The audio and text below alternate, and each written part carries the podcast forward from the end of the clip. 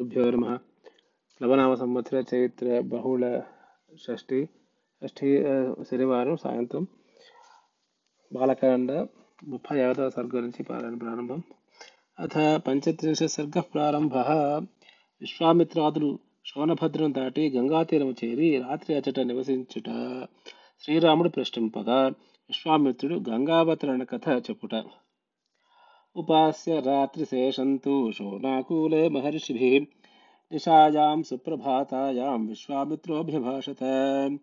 सुप्रभाता निशा पूर्वा सन्ध्या प्रवर्तते। उत्तिष्ठोत्तिष्ठ ते गमनायाभिरोचय। तच्छ्रुत्वा वचनं तस्य कृत्वा पौर्, पौर्वाह्निकी क्रियाँ गमनं रोच रोचयामास वाक्यं चेदमुवाचः। अयं शोणः शुभजलो गाधः पुलिनमण्डितः। कतरेण पथा ब्रह्मन् सन्तरिष्यामहे वयम्। एवम् एवमुक्तस्तु रामेण विश्वामित्रो ब्रवीदिदम्। एष पन्था मयोद्दिष्टो येन या, येन यान्ति महर्षयः। एवमुक्ता महर्षयो विश्वामित्रेण धीमता। पश्य पश्यन्तस्ते प्रय, प्रयाता वै वनानि विविधानि च। ते गत्वा दूरमध्वानं गतेर्, गतेर्दधि वपे, दधे, गतेर्, गतेर्दधिवपे तदा जाह्नवीं सरितां श्रेष्ठां ददृशुर्मुनिसेविताम्। तान् दृष्ट्वा पुण्यसलिलां हंससार हंससार ससेवितां। बभूवुर्मुदिताः सर्वे मुनयः मुनयः सह सह राघवाः। तस्यास्तीरे ततश्चक्रुस्त आवासपरिग्रहं ततः स्नात्वा यथा न्यायं सन्तर्प्य पितृदेवताः हुत्वा चैवाग्निहोत्राणि प्राश्य चामृतवद्धिभिः वद्धविः विवेशुर्ज्ञा विवेशुर्जाह्नवीतीरे शुचौ मुदिता मुदितमानसाः। विश्वामित्रं महात्मानं परिवार्य समन्ततः। अथ तत्र तदा रामो विश्वामित्रमथाब्रवीत्। भगवन् श्रोतुमिच्छामि गङ्गां त्रिपथगां नदीं। त्रैलोक्यं कथमाक्रम्य गता नद नदनदीपतिम् चोदितो रामवाक्येन विश्वामित्रो महामुनिः, वृद्धिं जन् वृद्धिं जन्म च गङ्गाया, वक्तुमेवोपचक्रमे। शैलेन्द्रो हिमवान्नाम धातूनामकरो महान्। तस्य कन्याद्वयं राम। रूपेणा प्रतिमं भुवि। या मेरुदुहिता राम। तयोर्मतयोर्माता सुमध्यमा नाम्ना मनोरमा नाम पत्नी हिमवतः प्रिया। तस्यां गङ्गायमभवज्येष्ठा हिमवतः सुता। उमा नाम द्वितीया। भून्नां, भून्नाम्ना तस्यैव राघव। अथ ज्येष्ठां सुराः सर्वे देवतार्थचिकीर्षया शैलेन्द्रं वरयामासुर्गङ्गां त्रिपथगां नदीं ददौ धर्मेण हिमवान् तनयां लोकपावनीं स्वच्छन्दपथगां गङ्गां त्रैलोक्यहितकां यया प्रतिगृह्य ततो देवास्त्रिलोकहितकारिणः गङ्गा गङ्गामादाय ते गच्छन् कृतार्थेऽन्तर कृतार्थेनान्तरात्मना या शैलदुहिता कन्यासी कन्यासीद्रघुनन्दन उग्रं सा व्रतमास्थाय तपस्तेऽपे तपोधना उग्रेण तपसा युक्तां ददौ शैलवरस्सुतां रुद्राया प्रतिरूपाय उमाल्लोकनमस्कृताम्। एते ते शैलराजस्य सुते लोकनमस्कृते। गङ्गा च सरितां श्रेष्ठा उमादेवी च राघव ఏతత్తే సర్వమాఖ్యాతం యథా త్రిపథగా నది ఖం గతా ప్రథమం తాత గతిం గతిమతాం వర సైషా సురనదీ రమ్యా శైలేంద్రస్య సుతా తత్తదా సురలోకం సమారూఢ విపాపా జలవాహిని ఇత్యాశయ శ్రీమద్ రామాయణే ఆదికావ్య బాలకాండే పంచత్రింశ సర్గ సమాప్త అథ షట్త్రింశ సర్గ దేవతలు పార్వతీ శివుల రథక్రీడలకు విగ్రహము కలిగింపగా పార్వతి దేవతలకును భూదేవికిని శాపము ఇచ్చుట. ఉక్త వాక్తే మనో తస్మిన్ నభౌ రాఘవ లక్ష్మణౌ ప్రతినంద్య కథాం వీరావూచుర్మునిపుంగవం ఊచుతుర్మునిపుంగవం ధర్మయుక్తమిదం బ్రహ్మన్ కథితం పరమం త్వయా దుహితశైలరాజస్య జ్యేష్ఠాయా వక్తుమర్హసి. విస్తరం విస్తరజ్ఞోసి దివ్యమానుషసంభవం त्रीन् पथो हेतुना केन? प्लावयेल्लोका लोकपावने। कथं गङ्गा त्रिपथगा विश्रुता सरिदुत्तमा? त्रिषु लोकेषु धर्मज्ञा कर्मभिः कैः समन्विता? तथा ब्रूमति काकुत्से विश्वामित्रस्तपोधनः। निखिलेन कथां सर्वा ऋषिमध्ये न्यवेदयते। पुरा रामकृतोद्वाहो नीलकण्ठो महातपाः दृष्ट्वा च स्पृहया देवीं मैथुनायोपचक्रमे शितिकण्ठस्य देवस्य दिव्यं वर्षशतं गतं न चापि तनयो राम तस्यामासीत् परन्तप। ततो देवा समुद्विग्नाः पिता पितामहपुरोगमाः। यदि होत्पत्यदि ते भूतं, कस्तत्प्रति सहिष्यते। अभिगम्य सुराः सर्वे प्रणिपत्येदमब्रुवन् देवदेव महादेव लोकस्यास्य हिते रत। सुराणां प्रणिपातेन प्रसादं कर्तुमर्हसि। न लोका धारयिष्यन्ति तप तेजस्सुरोत्तम ब्राह्मेण तपसा युक्तो देव्या सह तपश्चरा। त्रैलोक्यहितकामार्थं तेजस्तेजसि धारय। देवतानां वच श्रुत्वा सर्वलोकमहेश्वरः। बाढमित्यब्रवीत् सर्वान् पुनश्चेदय पुनश्चेदमुवाचः। धारयिष्याम्यहं तेजस्तेस्येव सहो मया। त्रिदशाः पृथिवी चैव निर्वाणमधिगच्छतु। यदिदं क्षुभि, क्षुभितं स्थानान् मम तेजो ह्यनुत्तमं धारयिष्यति कस्तन्मे ब्रुवन्तु सुरसत्तमाः। एवमुक्तासुराः सर्वे प्रत्युचुर्वृषभध्वजं। यत्तेजः क्षुभितं हेतद्धरा धारयिष्यति एवमुक्तः सुरपतिः प्रमुमोच महीतले, तेजसा पृथिवी येन व्याप्ता सगरीकानना। ततो देवाः पुनरिदमूचुः, मूचुश्चाथ हुताशनं। प्रवेश त्वं महातेजो रौद्रं वायु समन्वितः। तदग्निना पुनर्व्याप्तं सञ्जातश्वेतपर्वतः। दिव्यं शरवणं चैव पावकादित्यसम्भवम् यत्र जातो महातेजाः कार्तिकेयोऽग्निसम्भवः, अथो माँ च शिवं चैव देवासर्षिगणास्तदा पूजयामास सुरत्यर्थं सुप्रीत मनस मनस मनसस्ततः। अथ शैलसुता रामा त्रिदशारितमब्रवीत् असमन्युरसपत्सर्वान् क्रोधसंरक्तलोचना यस्मान्निवारिता चैव सङ्गतिः पुत्रकाम्यया अपत्यं स्वेषु दारेषु तस्मान्नो नोत्पादयिष्यथ अद्य प्रभृति युष्माकमप्रजाः सन्तु पत्रयः एवमुक्त्वा सुरान् सर्वान् शशाप पृथिवीमपि। अवनेनैकरूपा त्वं बहुभार्या भविष्यसि।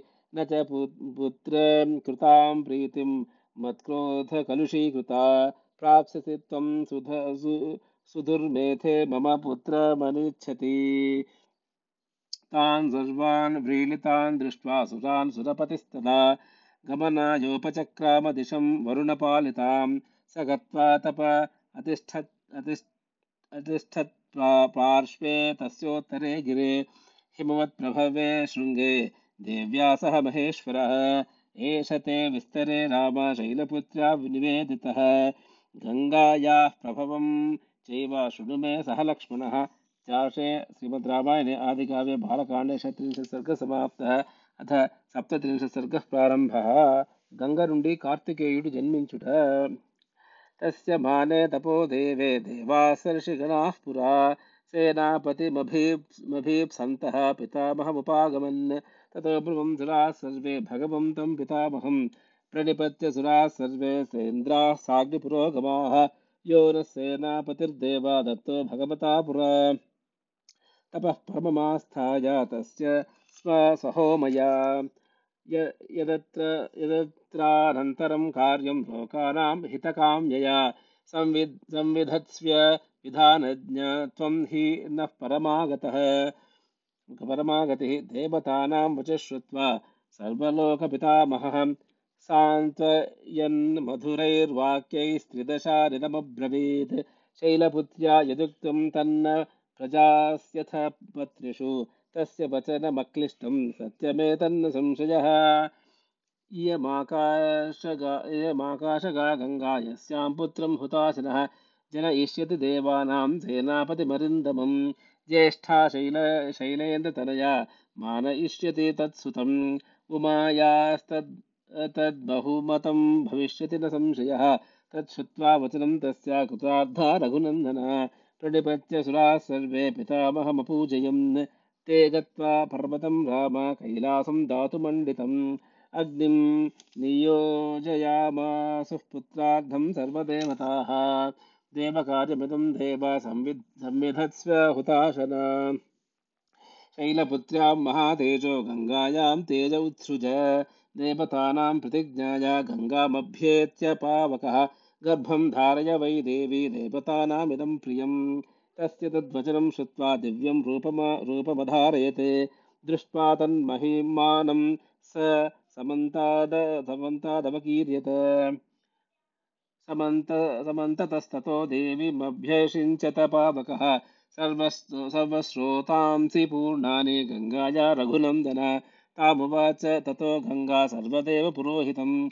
अश, अशक्ताधारणे देव तव तेजस्सुम सुमुद्धतं दह्यमानाग्निना तेन सम्प्रव्यथितचेतना। अथा प्रवीदितं गङ्गां सर्वदेव हुताशनः।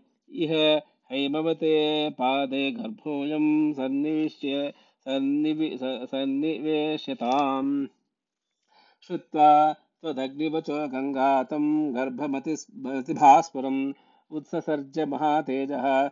श्रोत्रोभ्यो, श्रोतोभ्यो हि तदा नघ यदस्य निर्गतं तस्मात् तप्तजाम्बूनद जाम्बूनदप्रभं काञ्चनं धरणीं प्राप्तं हिरण्यममलं शुभं, ताम्रं कार्ष कार्षायनं कार्षायसं चैव, तार्क्ष्या देवाभ्यजायत।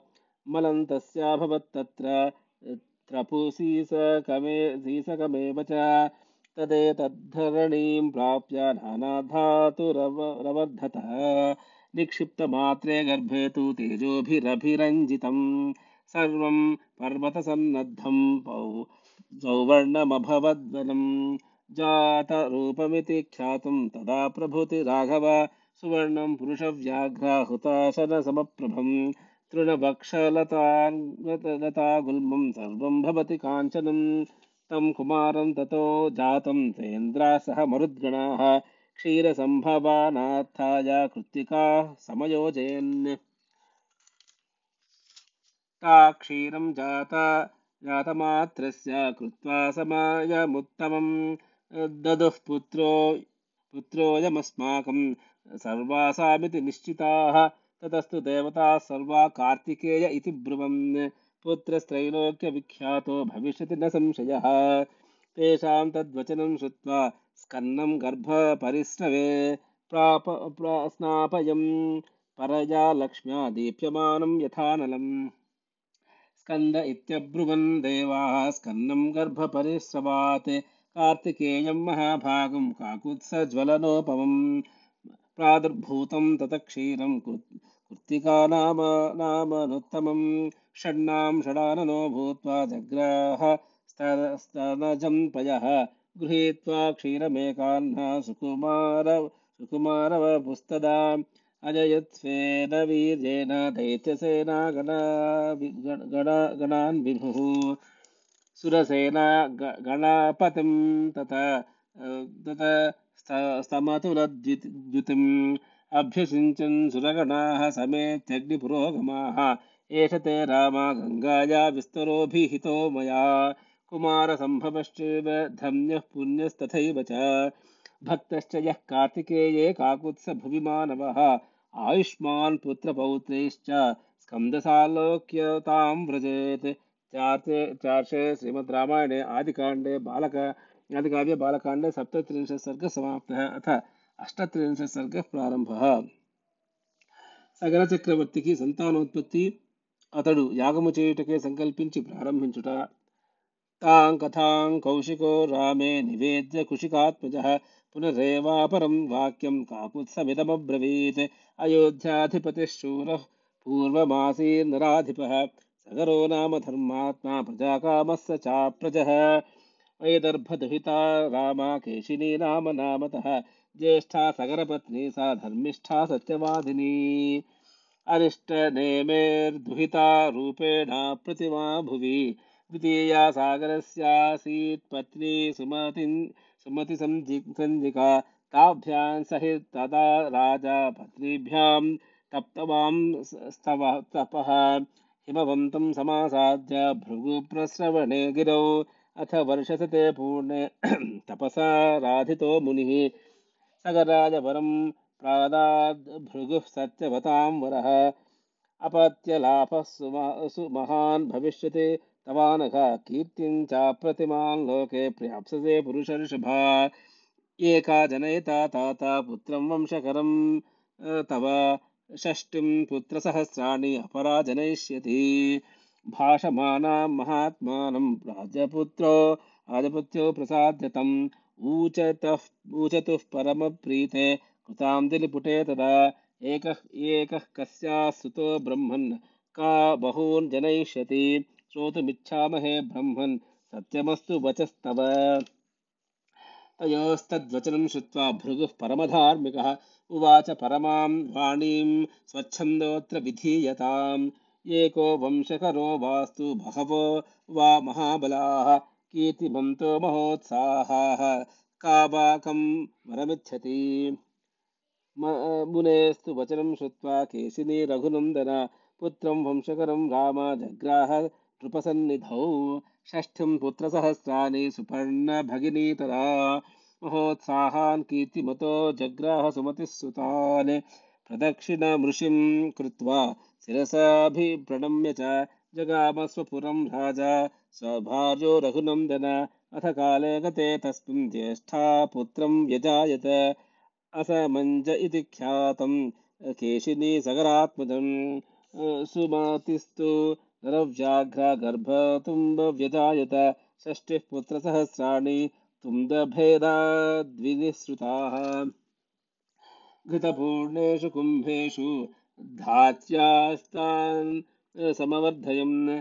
कालेन महता सर्वे यौवनं प्रतिपेदिरे। अथ दीर्घेन कालेन रूपयौवनशालिनः। षष्टिः पुत्रसहस्राणि सगरस्याभवं भवंस्तदा स च ज्येष्ठो नरश्रेष्ठ्य सगरस्यात्मसम्भवः। बालान् गृहीत्वा तु जले सरय्या रघुनन्दना। प्रक्षिप्य प्रहसन्नित्वं मज्जतस्तान् समीक्ष्य वै।